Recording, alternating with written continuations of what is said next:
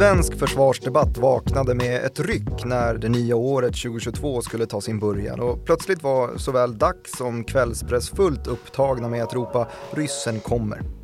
Det säkerhetspolitiska läget bestod plötsligt inte längre bara av ett lynnigt Ryssland och cyberattacker mot Coop utan av en kravlista mot försvarsalliansen NATO med punkter som för första gången på mycket länge innebar explicita hot mot Europa och där Sveriges suveränitet ifrågasattes. Kunde Ryssland verkligen mena allvar med det plötsligt uppskruvade tonläge som för svenska medier tycktes komma som blixt från klar himmel? Var det egentligen inte bara ännu ett spratt från president Vladimir Putin som ånyo noterade svaga opinionssiffror och behövde ett slagfält att samla befolkningen bakom? Här för att demontera frågeställningarna om ett nytt eventuellt stundande storkrig i Europa är utrikesredaktör Joakim Rönning och Martin Nilsson som ju är programledare för Follow the Money. En podcast om makt, storfinans och börsen. Och jag tänkte börja med att fråga precis det som alla vill ha svar på Joakim. Vad är det egentligen Ryssland vill med det här? Eh, det var en rask inledning. Tack. Vi, men vi får gå tillbaka lite här då. Den 17 december i fjol Mm. så publicerades då den här ryska kravlistan som ju ställer krav på typ en ny, man, man vill skapa en helt ny säkerhetsordning i ja, men hela världen i princip. Vem, vem adresserar man den här kravlistan till? Är det... Man adresserar NATO som ju är huvudfienden. Och det man vill ha då är säkerhetsgarantier från NATO. Och listan är väldigt långtgående. Mhm. Och man, man är detaljerad vad det gäller då vilka krav man, man vill att väst ska gå till mötes och helt utan att nämna några som helst liksom, egna avkall, några egna eftergifter för att det här ska bli möjligt då från, från rysk sida. Och det som gäller då är att NATO ska lämna en massa bindande garantier då för att Ukraina aldrig ska tillåtas bli medlem av NATO, som ju är den västliga försvarsalliansen med en lång radda länder som upprättades efter andra världskriget för att motverka då Sovjets ehm, positionering och Mm. ja, maktanspråk över Europa. Det här är ju ett land som vi har pratat ganska ofta om det Sovjet. senaste året. Ja, Mm. dels, dels Sovjet faktiskt, men just Ukraina tänkte jag på. Jaha, ja. Är det den som är i centrum för hela den här kravlistan? Ja, det kan man väl säga att det är ehm, indirekt i alla fall så handlar det ju väldigt mycket om det. Man har ju skruvat upp tonläget betydligt då genom att ställa en massa rysk trupp, alltså över 100 000 soldater på, på Ukrainas gräns. Och det som gäller är ju att försvara det gamla Ryssland. För Ukraina anses ju vara en del av Ryssland nästan i, i Kreml ju. Att man är, det är broderfolk, det är östslaver och det finns ju väldigt täta band i historien utöver Ukraina då så är det inte bara bindande garantier för att just Ukraina inte ska bli medlem utan det är att den här expansionen av NATO helt och hållet ska av, avta. Var man- är det den håller på att expandera? Ja, österut blir det ju eftersom att så många länder i väst redan är med och då pratar vi Västeuropa, där är ju nästan alla länder med som inte är alliansfria och neutrala. Mm. Och då pratar vi typ Schweiz och eh, Sverige. Finland är ju inte med heller och Finland har ju varit en svår nöt att knäcka liksom.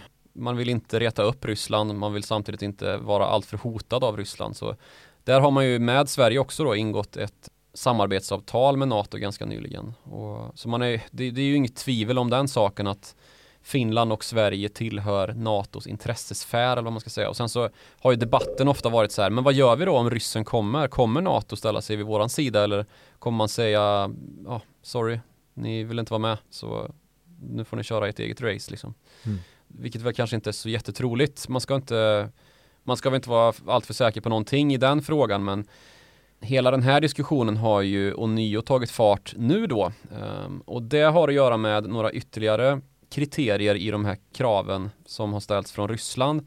Som då består i att NATO helt ska utesluta möjligheterna att stationera trupp och, och vapensystem i de länder som blev medlemmar i NATO efter 1997. Och Vad har vi för länder på listan där? Ja, det är ju länder som Polen till exempel. De baltiska staterna har kommit efter 97, Rumänien, Ungern, Bulgarien. Så det är de, de här länderna skulle ju under de kraven då i praktiken upphöra att vara NATO-länder eftersom att det är enligt NATO-stadgan så måste länderna försvaras då. Det är ju det som är NATO. Att om ni attackerar en så attackerar ni alla. Alltså om någon förklarar krig mot Polen så förklarar man krig mot hela NATO. Det skulle bli omöjligt att försvara Polen om det inte fanns vapensystem i Polen um, och, och, i närliggande länder då såklart. Mm. Så de här länderna skulle ju därmed i praktiken överges och ur svensk synvinkel då så finns det ytterligare en skrivning som är att länder som Sverige och Finland, vilket då har preciserats efteråt av Ryssland att uh, det gäller just Sverige och Finland. Vi ska helt enkelt inte få släppas in i NATO. Och det här skulle i praktiken innebära att Sveriges självständighet är ja, de facto hotad om inte våra politiker då får bestämma över vilka vägval som, som vår säkerhetspolitik ska få ta. Och vårt försvar är ju dessutom helt och hållet idag uppbyggt kring internationellt samarbete.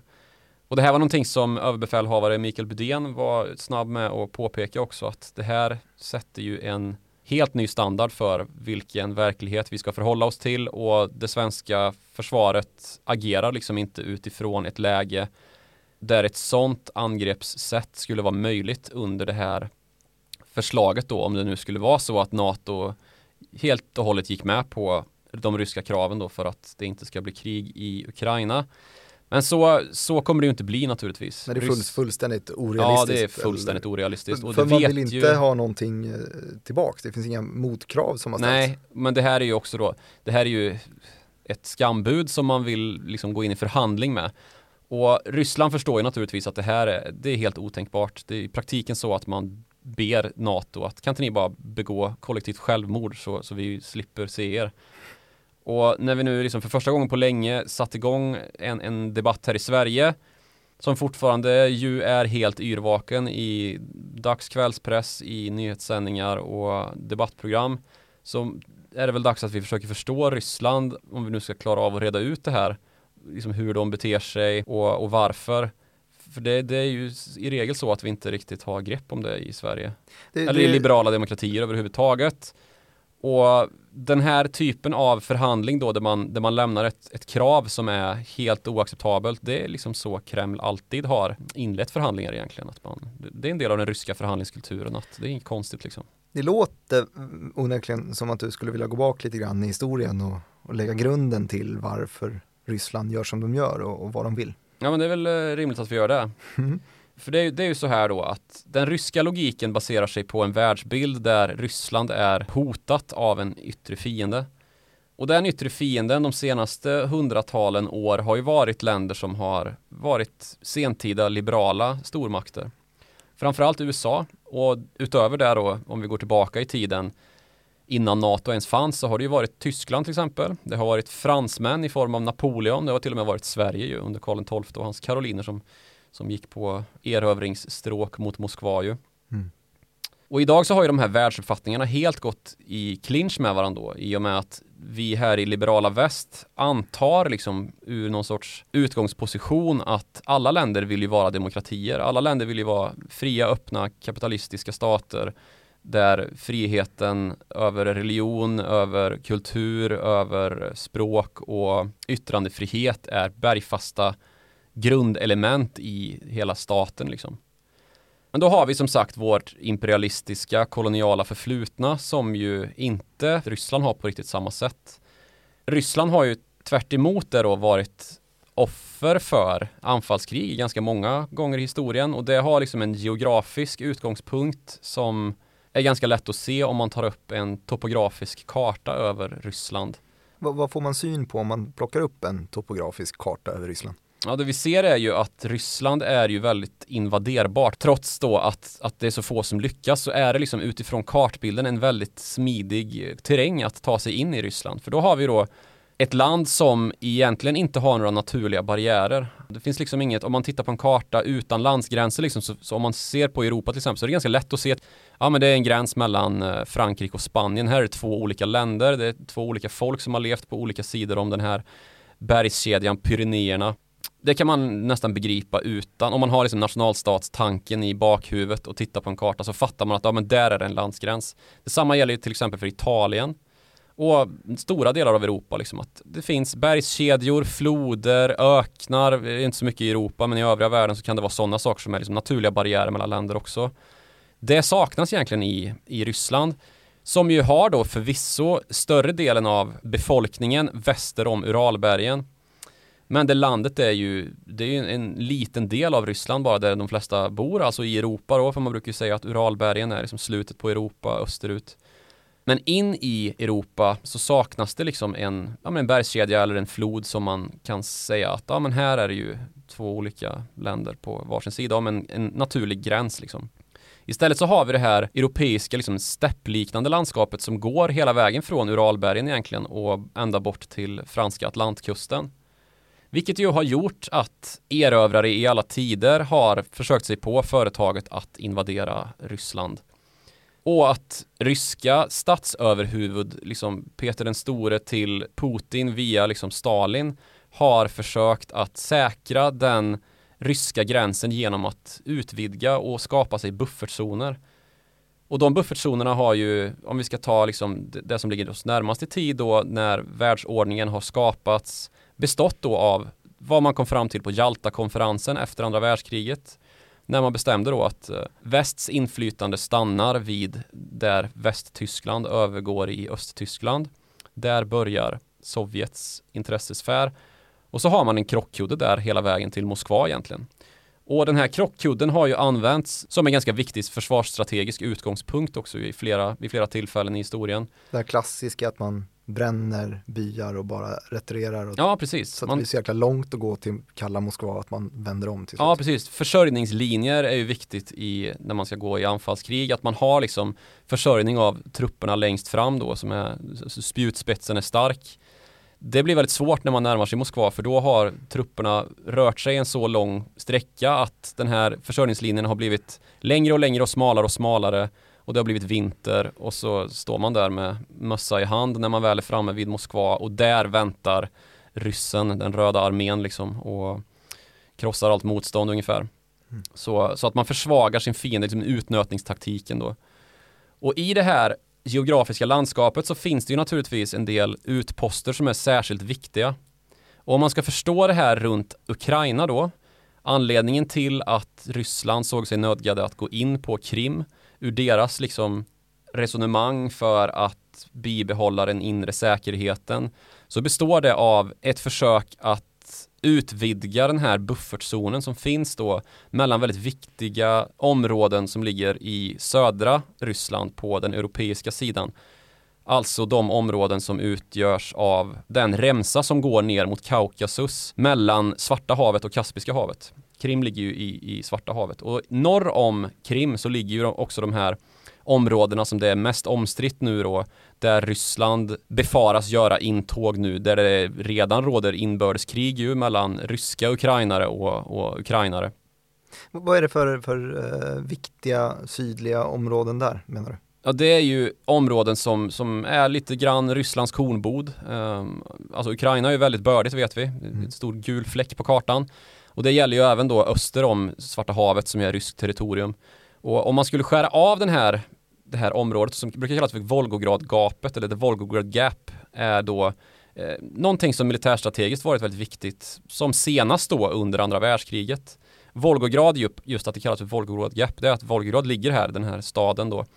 Och den ligger ju intill Volga som är den längsta floden i Europa och som ju eh, har varit en viktig försörjningsrutt också för försörjningen av hela liksom, hjärtat av Ryssland som ju ligger norr om det här området. Så man, man stänger av hela den, Om man, man, om man nu skulle ta då, säg att vi, som, som Hitler gjorde då under andra världskriget, att man för in tysk trupp genom Ukraina och sen avancerar då mot Kaspiska havets kust.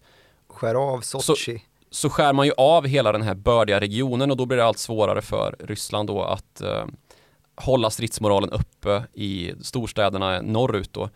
Det skapar ju svält i praktiken kanske det är lättare att förstå den här kontexten om man vet vad Volgograd hette innan det bytte namn. Upplys. Stalingrad. Mm. Det var ju en av de största striderna som stod just över Stalingrad. Att ryssarna försvarade den här viktiga staden och tyskarna helt enkelt inte lyckades stänga Volgograd-gapet som det kallas idag. Eh, och, och därmed liksom nå hela vägen fram till Kaspiska havet. Vilket då hade utarmat de sovjetiska möjligheterna att försörja hjärtat av Ryssland som sagt. Men menar du att de här ska man säga, naturliga barriärerna, buffertzonerna, att det tänket fortfarande är närvarande i, i Ryssland. Jag, jag, menar det är ju inte, det är inte så att man måste traska hela vägen till Moskva idag utan man, man Nej, åker väl och bombar. Men ja, det, det, är absolut viktigt och då har man ju liksom upprustat det inrikes försvarssystem som finns utifrån de här naturliga barriärerna för trots att man kanske kan flyga idag på ett annat sätt än vad man, alltså transportera trupp på ett annat sätt än vad man kunde tidigare så, så är det ju också viktigt att man får folk på plats och ska man få folk på plats så, så är det naturligtvis så att landvägen är den enklaste och det finns en anledning till att Ryssland är väldigt välutrustade i fråga om luftvärnssystem, att man har sitt S-400 som det heter, det världens allra mest kapabla luftförsvarskanon. Var det de som eh, Erdogan köpte in sig på? Ja, precis. Och störde ut lite grann den interna trivseln i, i NATO genom att köpa in ryska försvarssystem. Interna trivseln. Ja, ja den är, det har ju varit väldigt stökigt i NATO just de senaste 10-15 åren. Väldigt mycket bråk och träta och det blev ju inte mindre träta när Donald Trump kom till kom till makten i Vita huset och började eh, liksom röra runt och med visst fog kanske säga att hallå där ute i Europa, varför har inte ni nått målet på att skicka in 2% i försvaret eh, som, som ni ju är stipulerade att göra, som ni ju har förbundit er att göra. Det kan man väl kanske se att det är en av anledningarna till att Ryssland just nu gör som de gör. För det, redan 2007 faktiskt så lämnades ett liknande förslag fram då om en ny säkerhetsordning. Och det blev ganska så utskrattat när Ryssland kom med sina hutlösa idéer om att ja, men nu ska NATO sluta utvidga sig, man ska eh, inte få ha trupp och inte få försvara sina nya medlemmar som har tillhört Sovjet då. Att Eh, Ryssland ska respekteras och den tidigare världsordningen är någonting som vi, vi ska återgå till, liksom nästan som återgå till hur det var under kalla kriget. Och det här är ju någonting som, som alltså blev ett för orimligt ingångsvärde för att NATO ens skulle liksom ta i det. Men nu sen 2007-2008 så har det hänt någonting i den ryska budgetplaneringen och man har helt enkelt tagit ett omtag med det egna försvaret. För då när det här första förslaget lades fram då 2007-2008 då var Rysslands försvarsförmågor väldigt mycket mindre än vad de, vad de är idag.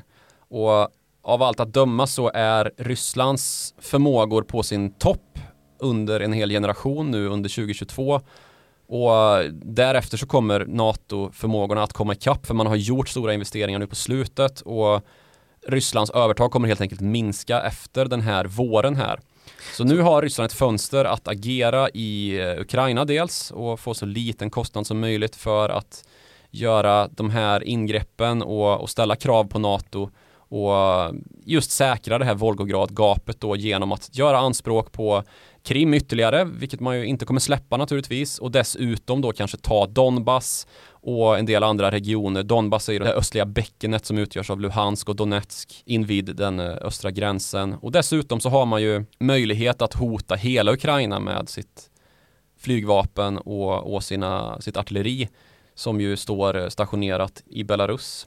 Och därigenom då hota till och med huvudstaden Kiev som inte alls ligger långt ifrån eh, gränsen till Belarus. Nej, geografiskt så är det ju en jäkligt lättförstådd punkt just då eftersom att man har den här, det här samma, nära samarbetet med Belarus just att det sticker in som och täcker hela norra gränsen till Ukraina och mm. eh, i öst så gränsar de då med, med Ryssland. Ja, Men någonting som har gjort eh, Ryssland än mer aktuella efter den här kravlistan också har ju varit ett, ett intåg i, i Kazakstan. Kan inte du upplysa var den pusselbiten landar i det här? Ja, just det. Kazakstan ja, som, som har blossat upp eh, efter en tid av oroligheter så har um, ja, oroligheter då som har berott på den här gaskrisen som ju har spritt sig över världen och då ska man säga att Kazakstan är ganska så rikt på gas och det som har liksom lett till att proppen har lite grann gått ur har ju dels då börjat i att eh, den tidigare presidenten, diktator Nazarbayev har avgått under 2019 och ersatts av en gammal hejduk som heter Tokajev. Tokajev då har eh, under sin första tid bestämt sig för att ta bort en del drivmedelssubventioner och det har då gjort att i, när man då har i ryggen att den kazakiska tengen, alltså den kazakiska valutan har deprecierats något väldigt de senaste åren, alltså fallit med över 50% i, i värde, lett till att den kazakiska importen har blivit allt dyrare, varor har gått upp i pris och framförallt kanske att köpkraften har urholkats då för kazaker på gatan. Och det här då i kombination med att man inte fick något ökat inflytande efter att Nazarbayev, då den gamle diktatorn, försvann så blev det liksom droppen som fick bägaren att rinna över. Och de här protesterna de började i västra Kazakstan där man har den mesta utvinningen av råvaror. För det här är ju ett väldigt rikt land sett till råvaror. En av de största oljereserverna i världen som man då utvinner i, i framförallt i västra Kazakstan. Men de här protesterna då spred sig från de storstäderna i väst och över hela landet och det här är ju ett enormt land. Väldigt glesbefolkat och 19-20 miljoner någonting i, i befolkningen. Och um, det såg ju länge ut att man kanske till och med hade tappat kontrollen. Det var en del polis som då var, var ute och försökte stävja de här demonstrationerna som helt enkelt bara gick över till, till demonstranternas sida och Sen så här efter några dagar så gick man in då via CSTO som är Rysslands motsvarighet till NATO.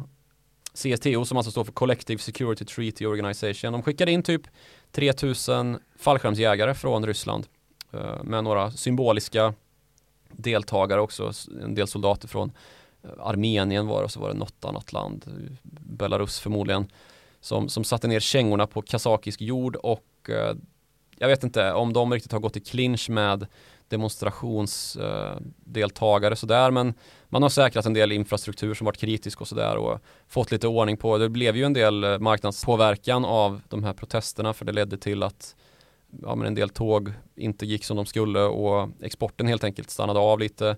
Eh, man skar av internetaccessen i städer och det ledde ju till att eh, bitcoin drabbades till och med. Mm, just det, för det är ju ett sånt land som faktiskt har landat in i det där att de är en stor bitcoin-miner. Ja, när, när Kina helt stängde ner så, för det har man ju gjort, Kina bestämde sig för att det här är alldeles för energiintensivt, vi behöver energi på annat håll som faktiskt tillför någonting i, i ekonomin. Så blev Kazakstan plötsligt världens näst största utvinnare av bitcoin. Det är ju någonting som vi har sett som en, gått en rak linje mellan billig eh, el och just bitcoin mining. Ja, och där precis. såg vi till exempel, då har vi gjort, eh, snackat om Iran tidigare när de hade sanktioner på sig, fick inte föra ut oljan på marknaden. Brände man upp oljan istället och försedde då el till de stora bitcoin-farmerna. Så Iran är en stor eh, bitcoin-miner och eh, Kazakstan har det också varit det. När jag kikade lite på Kazakstan så eh, såg jag också att de nästan har något form av rekord i ojämlikhet. Det är 160 personer som tillsammans står för 55% av BNP. Ja. Så när det är ett rikt land så kanske det betyder att några är rika i alla fall. Ja, precis. Alltså, det är råvarurikt. Det är ju sällan så att råvarurikedom är särskilt förknippat med liksom, jämlikhet. Så det här är ju ett land som lider total korruption där en väldigt liten maktelit, alltså presidenten och hans närmaste i princip det blir ofta så här när det finns få företag. Vi har ju andra exempel i form av typ Venezuela där det finns typ ett stort statligt oljebolag och så sitter presidenten på toppen och kanaliserar alla intäkter till sig själv och som Nazarbajev Nazarbayev då köper 20 slott i Europa och kuskar runt och har det gött liksom.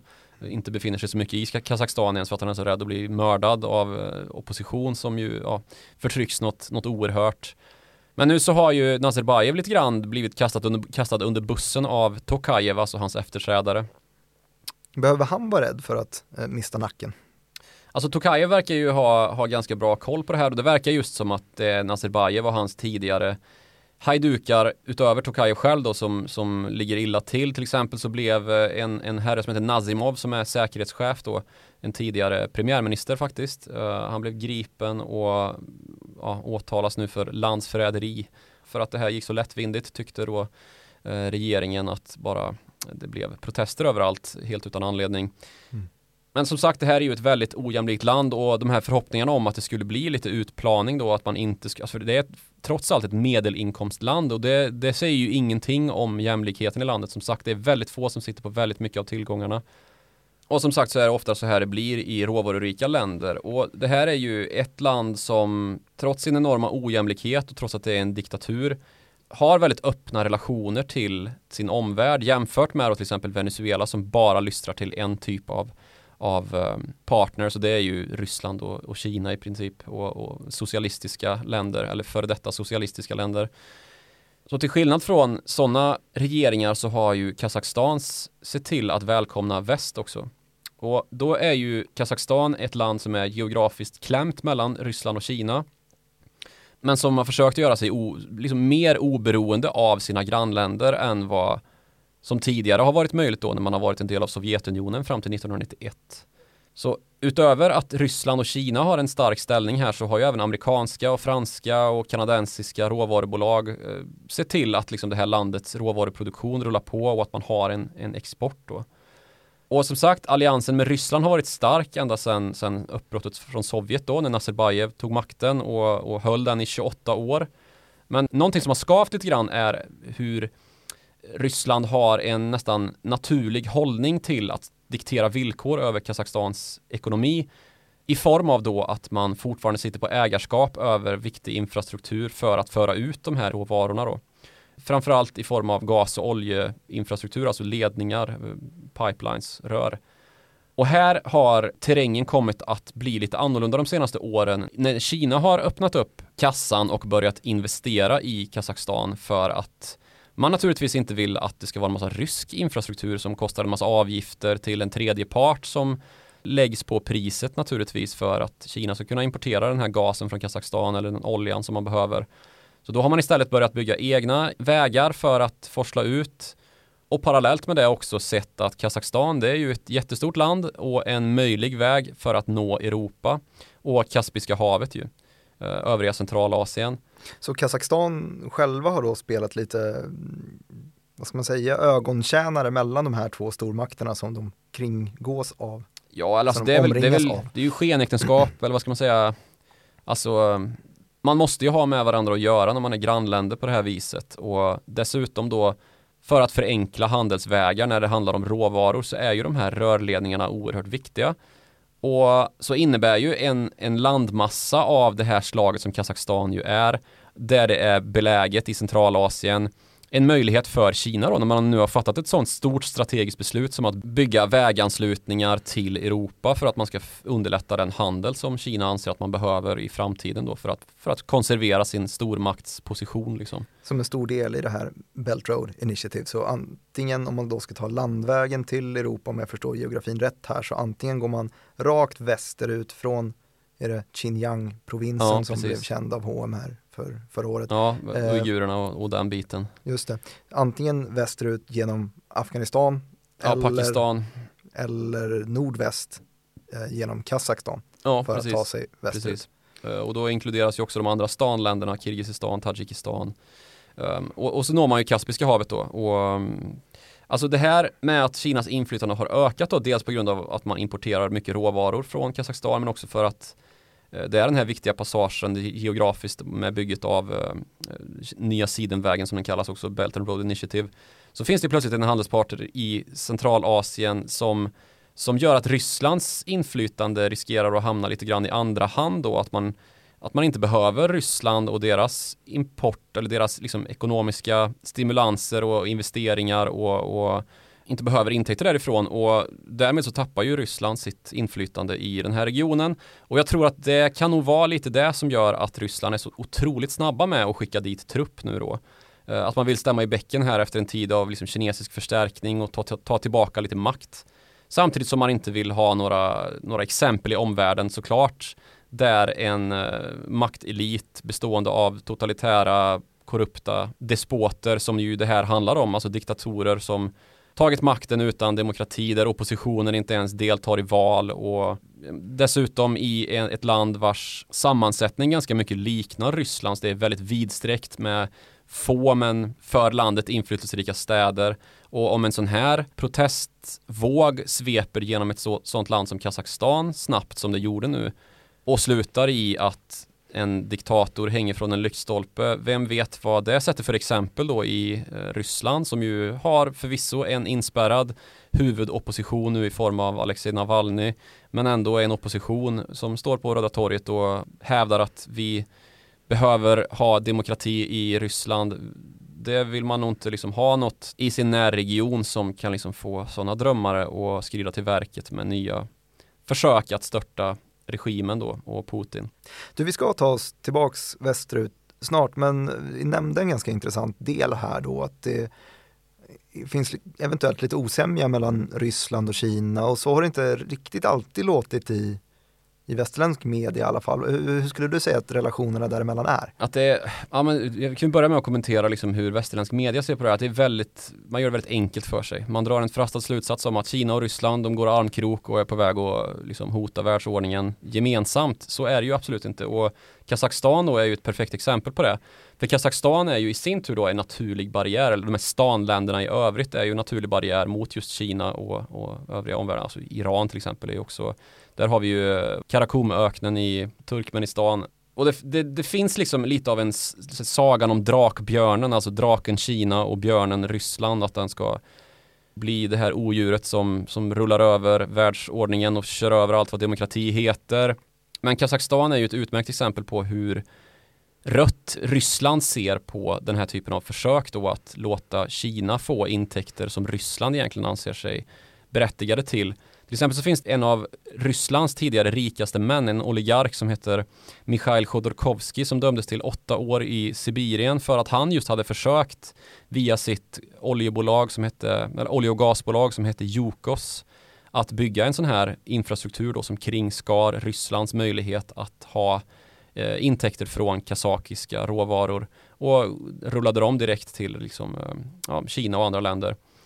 Det var alltså någonting som, som renderade honom eh, rätt mycket fängelse och ja, det var en farsartad rättegång som var helt uppenbart att det här var arrangerat uppifrån liksom att Chodorkovskij ska bara bort.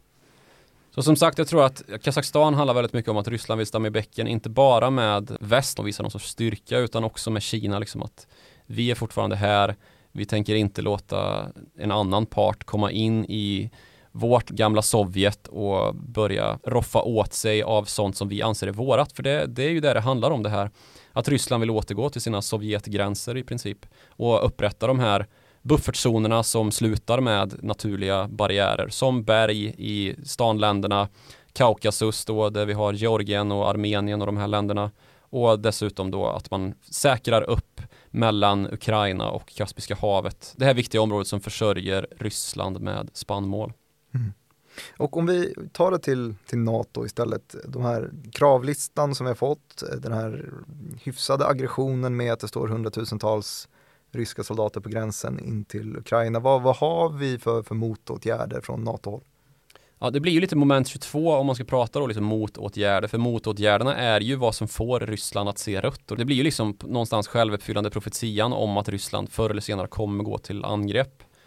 Och då, för då det första hotet är ju liksom att man fortsätter att utvidga NATO, att man närmar sig den ryska gränsen och liksom går emot den här gamla utsagan om vad som sades mellan George Bush den äldre, USAs gamla president vid uppbrottet där järnridån revs och ett, en ny världsordning skulle upprättas då tillsammans med Mikhail Gorbachev som ju var president i Sovjet, den sista presidenten i Sovjet. Och att det då ska ha sagts då från västhåll så här, men riv, riv järnridån, eh, lämna Tyskland i fred för en återförening, släpp alla era anspråk i Östeuropa så kommer inte vi närma oss österut. NATO kommer inte utvidgas österut. Not one inch eastward var liksom orden. Sen vad det här egentligen betydde är ju väldigt omtvistat. Men det var ju någonting som fick Vladimir Putin att genomgå sitt livs största trauma och han har kallat det här för det, det största och mest katastrofala misstaget i ja, men, världsgeopolitikens historia ungefär. Att man backade. Att man backade, ja. Att man lät Sovjet förfalla bara. Och han satt ju själv då som, eh, som underrättelseagent i Östtyskland, i Dresden, den östtyska staden och fick ju se hur väst liksom kunde vinna och Ryssland fick kila hem med svansen mellan benen. Och därefter så har ju den här liksom imperialismutsagan fått drivkraft om vartannat liksom i det att det, det hela tiden finns bränsle att kalla NATOs utvidgning för västs försök att sprida den liberala dagordningen över världen på ett väldigt fult sätt liksom. Och Ryssland lite grann, eh, Kreml i alla fall, man kanske inte ska prata om, om ryssar i gemen och allmänhet här men i Kreml så så är det inte bara Vladimir Putin som anser att det här med hur väst utvidgar sin intressesfär inuti andra länder och faktiskt ju kan konstateras har lyckats i väldigt många fall då när vi sedan 2004 har haft de här östeuropeiska länderna i NATO. Och det man lyckas med då enligt den världsbild som närs av Kreml det är ju att man med påstötningsmedel begår en hybridkrigföring som består av propaganda, desinformation och att man helt enkelt ställer till det i huvudet för folk så att de blir liberala demokrater och, och begår det här eh, liksom, experimentet som ju perversa väst eh, hemfaller åt. Och det är ju krafter som liksom har även, alltså den motpropaganda mot det är ju någonting som har tagit fäste i länder som Polen och Ungern och det ser vi ju verkligen konsekvensen av i de konflikter som, som nu finns i EU ju. Så det här är absolut liksom stridszonen för vart någonstans politiken, alltså den här maktpolitiken är på väg. Och nu då också att man ser i Kreml att Ukraina är på väg att falla här. Vårt liksom östslaviska broderfolk Ukraina som ju egentligen tillhör Ryssland. Alltså Putin skrev en jättelång uppsats här som publicerades för ja, något år sedan där han liksom gav sin syn på vad Ryssland är egentligen. Och, och, han tar ju med både Belarus och Ukraina som egentliga Ryssland liksom i sin eh, långa beskrivning av hur Ryssland och, och, Ukraina är helt otvivelaktiga broderfolk liksom och att man egentligen är ett och samma i princip. Eh, och att man aldrig kommer överge tanken om att det här ska vara ett och samma igen liksom. Eh, och med sådana anspråk så är det ju inte tu tal om att Ryssland ser det som fullständigt otänkbart att Ukraina då som i, i, sin nuvarande form har gått mot just en av de här färgrevolutionerna som man så mycket pratar om som, som den aktiva krigföringen då som, som genomförs som den här hybridkonsten. Att man helt enkelt stöttar demokratirörelser som jag sa, den västerländska liberala hållningen till att alla vill väl vara demokratier med yttrandefrihet och att det är ju det yttersta målet. Och när man lyckas då så, så ser Ryssland eh, rött och börjar skramla med vapnen och så långt har det ju gått nu då att man ser att Ukraina är på väg och närmar sig NATO. Det tänker vi inte, det tänker vi inte acceptera liksom. Därför så stämmer man i bäcken ganska hårt och um, hotar helt enkelt med, med invasion och ställer sådana här krav som är fullständigt oacceptabla för, för motparten och, det egentligen ger möjlighet till en sån här casus belli som det kallas, alltså en möjlighet till att förklara krig, att man har ett en undanflykt eller ett incitament för att titta vi försökte förhandla men eh, de var inte villiga så nu måste vi säkra oss om våra utgångspositioner här och, och då, då återstår inget annat än att gå till militärt angrepp. Och det har ju till och med Putin hotat med i öppen dagar att om inte de här kraven eh, möts så kommer Ryssland vidta militärtekniska åtgärder. Och vad de militärtekniska åtgärderna innebär det är ju inget annat än krig. Liksom. Det... Vad har eh, Ukraina för militärtekniska möjligheter att stå emot? Ja, de har ju en armé såklart och den armén är ju stöttad av stora delar av västsamfundet som har militär personal på plats men då är det inte soldater det handlar om utan liksom att man upplåter en del resurser för utbildning och en del vapensystem och sådana här grejer. Men det är ju inte, det är inte så att jag har väldigt svårt att se att det skulle bli en eh, liksom boots on the ground insats från NATO. Och man ska ju också minnas då att Ukraina vill vara med i NATO, man vill gärna ha en försäkran från NATO om att ja, men om det smäller då kommer väl ni typ. Eh, lite som ju debatten i, i Sverige rör sig liksom om vad händer om. Uh, I Ukraina så är ju den debatten desto aktuellare och desto verkligare ju uh, eftersom att det här är liksom nära förestående. Men några sådana garantier har man ju liksom inte kunnat få och, och det ingår ju inte i NATO-stadgan att man ska försvara andra länder som Ukraina eller Sverige eller Finland. Liksom. Um, vad har vi för... Uh, ja, jag skulle säga det att, att, Ukraina kan nog stå emot men det handlar om några veckor max liksom. För Ryssland som sagt har ju upprustat något oerhört och det är ju en mångfaldigt större militärmakten, vad Ukraina är. Som ju är ett fattigt, korrumperat land med liksom och visst en demokrati, men det är ju någonting som, som Ryssland gärna motverkar, liksom att det blir en stabil demokrati och närmar sig ett scenario som de här allra mest västligt östeuropeiska länderna blev efter att man rev järnridån och lyckades öppna upp ekonomier och sådär. Ukraina är fortfarande ganska så fattigt och det beror ju mycket på det ryska inflytandet. Alltså Ryssland är fortfarande det största språket i Ukraina. Liksom. Jag är inte säker på att president eh, Volodymyr Zelensky ens pratar ukrainska och mm, media är fullständigt dominerat av, av Ryssland. Sen så har ju liksom opinionen lite grann vänt då, för, från att ha varit väldigt, väldigt dominant prorysk i östra Ukraina, där vi har städer som Luhansk och Donetsk då, storstäder. Och i mitten så ligger Kiev som är en liten balansbräda där det är både och, där eh, regeringen sitter. Och sen så har vi väst och Lviv till exempel som är väldigt västeuropeiskt eh, präglat.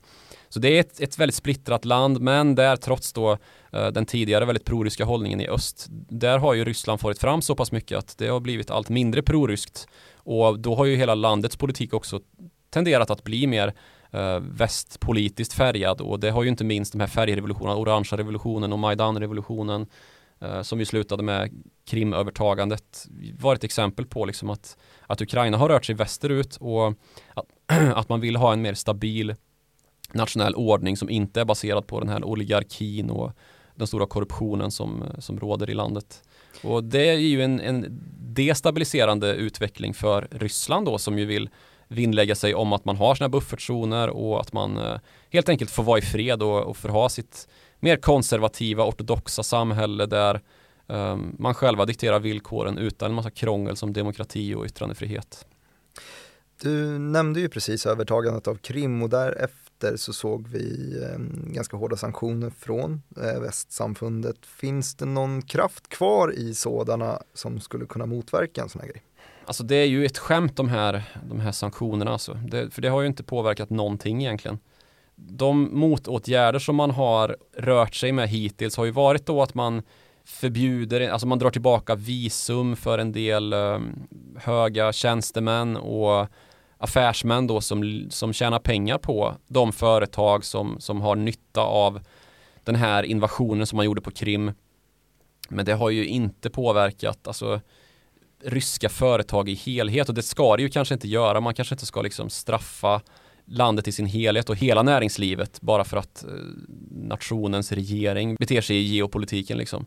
Men däremot så har man ju nu mer breda angreppssätt vad det gäller framtida motåtgärder då. Alltså Biden var ju tidigt ute med att ja, nu har situationen i Ukraina eskalerat till en nivå som vi inte är bekväma med. Vi befarar att det här kommer urarta och om det gör det så kommer det bemötas med de hårdaste sanktionerna någonsin. Och det har ju bland annat inkluderat då att man ska rycka Rysslands access till det här Swift-systemet som ju används för internationella betalningar mellan banker i olika länder. Och det skulle i praktiken skära bort Ryssland från eh, dollarsystemet. Och eh, då ska man ju också veta att Ryssland har ju jobbat väldigt hårt då med att anpassa sin ekonomi för att kunna försvara sig på det här sättet som man nu, nu räknar med att man kanske kommer behöva göra då i Ukraina och, och vidare. Och det har ju varit genom att de-dollarisera sin ekonomi, alltså att istället skapa sig en tillförlit mot euron. Och det har ju lett till att eh, USA har legat på allt hårdare mot EU eftersom att då euron är eh, liksom nästa valuta som, som Ryssland använder sig av för att kunna föra ut sin, eh, sin export. Och det har ju snarast liksom lett till att Ukrainas icke-medlemskap i NATO har växt som fråga i, i Ryssland. Eftersom att om du ska vara med i, i EU idag så, så är du i praktiken bunden att eh, först bli medlem i NATO. Det är inget formellt krav men i, i praktiken så har det sett ut så de senaste, när de senaste medlemsländerna har gjort inträde att först blir du medlem i NATO sen får du vara med i EU. Och dessutom då så finns det krav på att du ska färdigställa din ekonomi för att ingå i EMU och alltså anta euron. Och om nu EU får makten istället för USA då att införa valutasanktioner mot Ryssland så blir det ju väldigt tufft då om man har grannländer som har möjlighet att införa begränsningar mot hur landet får handla eftersom att Ryssland är så beroende av Ukraina och även Polen ju för att föra ut sin gas in i EU. Och då har vi ju dessutom det här Nord Stream 2-projektet som ju används nu som, en, eh, som ett vapen från båda sidor. Där Tyskland vägrar att ge certifiering för att koppla på den här ledningen som går genom Östersjön och som ska liksom kringskära Polen och Ukraina och därmed liksom möjliggöra att man kan sälja direkt in i Europa utan att gå via mellanhänderna och, och ha sådana här liksom avgifter som ska tas för att gasen går genom de länderna. Och å andra sidan då så kan, så kan Ryssland hota med krig i Ukraina om inte den här certifieringen kommer på plats. Så det är många rörliga delar i det här. En, en motåtgärd som jag tänker borde vara ganska naturlig är ju ett svenskt-finskt NATO-medlemskap på något sätt. Att expandera NATO ytterligare, visa att nu, nu stärker vi det här. Finns det någon form av opinion åt det hållet? Ja, um, intressant poäng faktiskt att det, det, har ju varit en ständig, lite halvsömnig debatt som har pågått i, i de här länderna, ehm, både Sverige och Finland.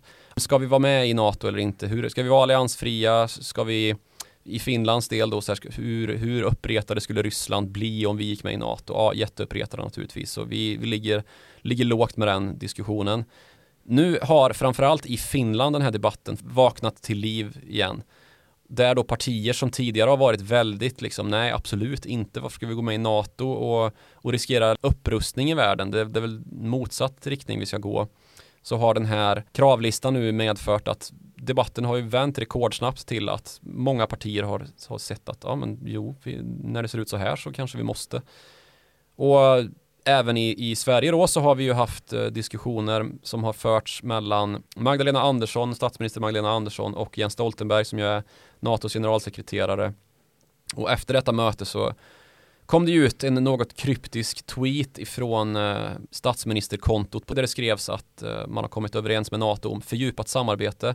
Och jag vet inte om det var liksom en, ett konstaterande för det har man ju gjort tidigare också med det här trilaterala samarbetsavtalet med Finland också, eh, att, att liksom samarbeta med NATO. Eller om det var eh, någonting ytterligare då, att man tar ytterligare ett steg. Och då ska man säga också att den här situationen runt Östersjön är ju det det handlar om, att eh, säkra Östersjön. Den kom ju igång kanske först efter att de här den 17 december kraven framställdes från, från Ryssland i och med det att i julhelgen så så hävdade ju Ryssland offentligt genom någon, eh, jag vet inte om det var en talesperson eller om det var en, en minister som anklagade Sverige och Finland för att ha deltagit i kärnvapensimuleringar, alltså kärnvapenövningar där man då simulerar ett angrepp på, jag tror det var Sankt Petersburg. Vilket då dementeras av både Finland och, och Sverige. Men så att, så att liksom tonen har trappats upp även i, i Östersjön då. Och um, när man efter det också då har insett och tittat närmare på vad, vad är det här för kravlista egentligen? Som sagt Mikael Bydén, Sveriges överbefälhavare var ute snabbt och sa att det här ställer ju allt på ända för den svenska militära strategin så verkar det som att ja, både media och politikerna har vaknat lite grann men det är alldeles för lite debatt om det här. Det, svensk politik är väldigt inåtriktad vad det gäller liksom riksdagspolitik och regeringspolitik. Det är väldigt lite fokus på säkerhetsfrågor i vår omvärld egentligen om man ska jämföra med uh, hur det har sett ut bakåt i tiden. Det... Men det är istället fokus på angränsande områden som också är en spelbricka i det hela. Du nämnde ju energiförsörjningen genom Nord Stream 2 men det hela bottnar ju lite grann i att man har gått bort från eh, kärnkraftverk. I alla fall i Tyskland så har man ju nu stängt ner det, ja. det absolut sista. Eh, vilken del i spelet eh, har det där? Man kan väl bara i största allmänhet konstatera att EU och, och hela Europa och hela västsamfundet har ägnat sig åt väldigt mycket interna konflikter samtidigt som Ryssland då har rustat upp och förberett sig. Man har liksom bantat sin statsskuld, köpt upp en massa guld och eh, USA och Europa och NATO i övrigt har varit liksom fullt fokuserade på att föra krig i Mellanöstern och härja runt och eh, bidragit till att skapa oro som har lett till att Ryssland har sett möjligheter att för första gången på väldigt, väldigt länge bli liksom en imperialmakt som inte bara har ett väldigt rike i form av en landmassa som utgör typ halva jordklotet utan också då utomlands för där har man ju varit svaga tidigare till skillnad då från numera liberala länder i, i Västeuropa då, och USA sentida där man har haft liksom maktanspråk över hela världen långt från sina egna liksom interna gränser. Vi pratar Storbritannien, USA, Frankrike till exempel då så har ju Ryssland varit ett enormt välde men på sitt eget land liksom. Nu har ju Ryssland expanderat sin intressesfär i form av då Syrien till exempel, att man har en massa trupp där. Eh, I Nordafrika i form av Libyen till exempel där man ju härjar och även i st stora delar av övriga Afrika ju med Wagner Group, det här legosoldatföretaget som, som ju är en förlängd arm av Kreml och deras militära strategi. Men ett sätt då att liksom rulla tillbaks bandet lite grann och stärka den interna sammanhållningen i väst kanske hade varit då att se hur gör vi oss mer oberoende av Ryssland och lite mer gemensamt verka mot den ordning då som ju är antiliberal, antidemokratisk och ur liberala värderingar en expansion av helt oacceptabla former av styrelseskick då som, som nu skickas ut över världen. Det hade ju varit då att till exempel se på vad är den största exportvaran som vi förser Ryssland med intäkter för. Och det är ju i våra dagar ganska enkelt att se hur Ryssland påverkar allra starkast då gentemot våra demokratier här i väst. Och det är ju via gasen. Alltså exporten av råvaran gas. Och den har vi ju gjort oss, som du sa, mycket mer beroende av. Eh, inte minst då i form av att Tyskland har bestämt sig för att sluta med kärnkraft. Nu verkar det som att det finns lite grann av en öppning då samtidigt som det här beslutet har, har vunnit liksom laga kraft i Tyskland att man faktiskt har stängt av en del kärnreaktorer här vid årsskiftet. Så har EU bestämt sig för att i alla fall preliminärt ta in kärnkraft som ett grönt energislag i den här nya taxonomin som man håller på att jobba med. Just det, det var en stor debattpunkt. Vad är det som egentligen är grönt? Och då vann kärnkraftslobbyn här alltså. Ja, till slut så lyckades man göra det. Och om vi skruvar tillbaka klockan i Tyskland så är ju det här liksom någonting som har med Ryssland att göra också, alltså det motståndet mot kärnkraft som ju liksom blev allra intensivast och ledde till den här politiska uppslutningen kring att Tyskland ska inte ha några kärnkraftverk överhuvudtaget efter Fukushima då, 2011 eller vad det var. Då samtidigt då som man började avveckla kärnkraften så, så kom ju också det här klimathotet att växa fram som den allra liksom högsta punkten på agendan ungefär.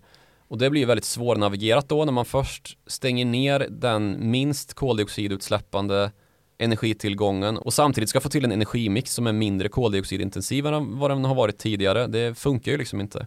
Man kan inte avveckla kolkraft då som är den mest energiintensiva och koldioxidfri energi som kärnkraft samtidigt ju. Då blir ju summa summarum att man måste förlita sig på någonting som är mer koldioxidintensivt än kärnkraft och det var ju gasen. Och här såg ju naturligtvis Tysklands gaslobby en, en stark möjlighet att förse sig med ingångar då till att förse Tyskland med naturgas som ju är mindre koldioxidintensivt än kol och även olja men fortfarande en, en, ett fossilt energislag ju. Och då gav sig naturligtvis Gazprom, det här ryska gasbolaget, in i handlingen och har ju lagt stora satsningar på att eh, övertyga den tyska opinionen om hur farligt det är med kärnkraft så att man istället nyttjar sig av gas. Och det här kan ju exemplifieras med liksom den största politiska korruptionsskandalen i europeisk modern historia där eh, Gerhard Schröder, alltså den före detta förbundskanslern, strax innan han lämnade över åt Angela Merkel, slog sig i lag med, med Vladimir Putin fattade sådana här beslut om att möjliggöra då Nord Stream-ledningarna som ju går direkt mellan Tyskland och Ryssland och därefter tog arbete hos Vladimir Putin, alltså en förbundskansler i Tyskland som därefter tar jobb hos Vladimir Putin genom då att bli först och främst styrelseordförande i det projektbolag som skulle bygga ledning genom Östersjön och därefter blev styrelseordförande också i Rosneft som är ett annat uh, råvarubolag. Ja, oljebolag. Precis, mm. oljebolag. Så här kan man ju verkligen se liksom hur Ryssland har agerat i den tyska inrikespolitiken och Tyskland är ju Europas industriella hjärta liksom den absolut starkaste nationen ekonomiskt och att man har helt lyckats betvinga en viktig fråga till sin fördel och, och numera kan diktera den inhemska energipolitiken i Europa ju. Och det är ju det största maktmedlet som man har i, i geopolitisk mening ju att man kan helt enkelt strypa gasen och då förfryser Tyskland, livsmedelspriser skenar och det blir helt omöjligt då att försörja landets invånare med basvaror till slut. Så det här är ju ett absolut bevis på att Europa måste liksom sluta sig samman och upphöra med liksom att uh, bryta upp sitt samförstånd och bråka internt. Alltså vi har haft ett Brexit precis och bråk med liksom Donald Trump och EU som har, som har ju nästan eskalerat till att vi, vi hade strafftullar i, i vår tidigare öppna handel. Och just nu så har vi ju dessutom en situation där vi har just den avgången efterträdare till nämnde Gerhard Schröder, alltså Angela Merkel har ju precis slutat och lämnat över till Olaf Scholz. Vi har en uh, Boris Johnson som är ganska så upptagen med sitt eget liksom, uh, inrikespolitiska haveri där han är väldigt ifrågasatt. Vi har en uh, Macron, president i Frankrike som står inför ett val. Biden är försvagad i USA och Dessutom eh, har ju hans främsta fokus snarare än mot Ryssland varit riktat mot Kina och det gällde ju även för Donald Trump, inte minst alltså när han eh, talade sig istället varm om hur härliga relationer han hade med Vladimir Putin och att han absolut litade på honom mer än vad han litade på sin egen underrättelsetjänst och att allt var så hyggligt och bra liksom. Det är naturligtvis ett hopkok av geopolitiska tendenser som har spelat Ryssland rakt i händerna att den här interna slitningen också har lett till att Rysslands upprustning har varit mångfaldigt större än vad den har varit hos huvud huvudmotståndaren NATO då, så nu så står man alltså på sin eh, peak vad det gäller militär kapacitet jämfört med vad, vad NATO har som ju är lite grann på väg ikapp då som att man har insett det här scenariot att oj nu, nu händer någonting, vi borde nog kanske ha agerat lite tidigare. Så efter här våren 2022 så kommer, så kommer NATO närma sig så det är väl det som gör att man eh, just också förebådar att Ryssland kommer skrida till verket här under vinter, våren 2022. Är det den typen av tidslinje vi, vi snackar om alltså? Ja, Ryssland har lite bråttom här för man brukar prata om det här fönstret som, som ju är för att invadera Ryssland eller vice versa då att ska man gå med tanks så är det ganska så tufft att göra det under våren där när det tinnar upp och är väldigt söligt i terrängen. Så det är ju fram till april ungefär som, eh, som det pratas om att Ryssland då har möjlighet nu att, att sticka en nål i Ukraina. Men sen så som sagt, det finns ju väldigt mycket militära kapaciteter i, i Ryssland som består av artilleri. Eh, så det måste ju inte vara eh, man kan ju hota Ukraina på andra sätt än att köra, köra T90 stridsvagn liksom. Mm. Om man vill hota oss istället så gör man det allra lättast på mejladressen followthemoney.direkt.se. Man kan också göra det på individuell nivå via Twitter på snabel Joakim Ronning eller till mig på snabel direkt Martin. Får tacka så fruktansvärt mycket för att ni har lyssnat på det här avsnittet så är vi tillbaks igen om en vecka. Ha det så fint.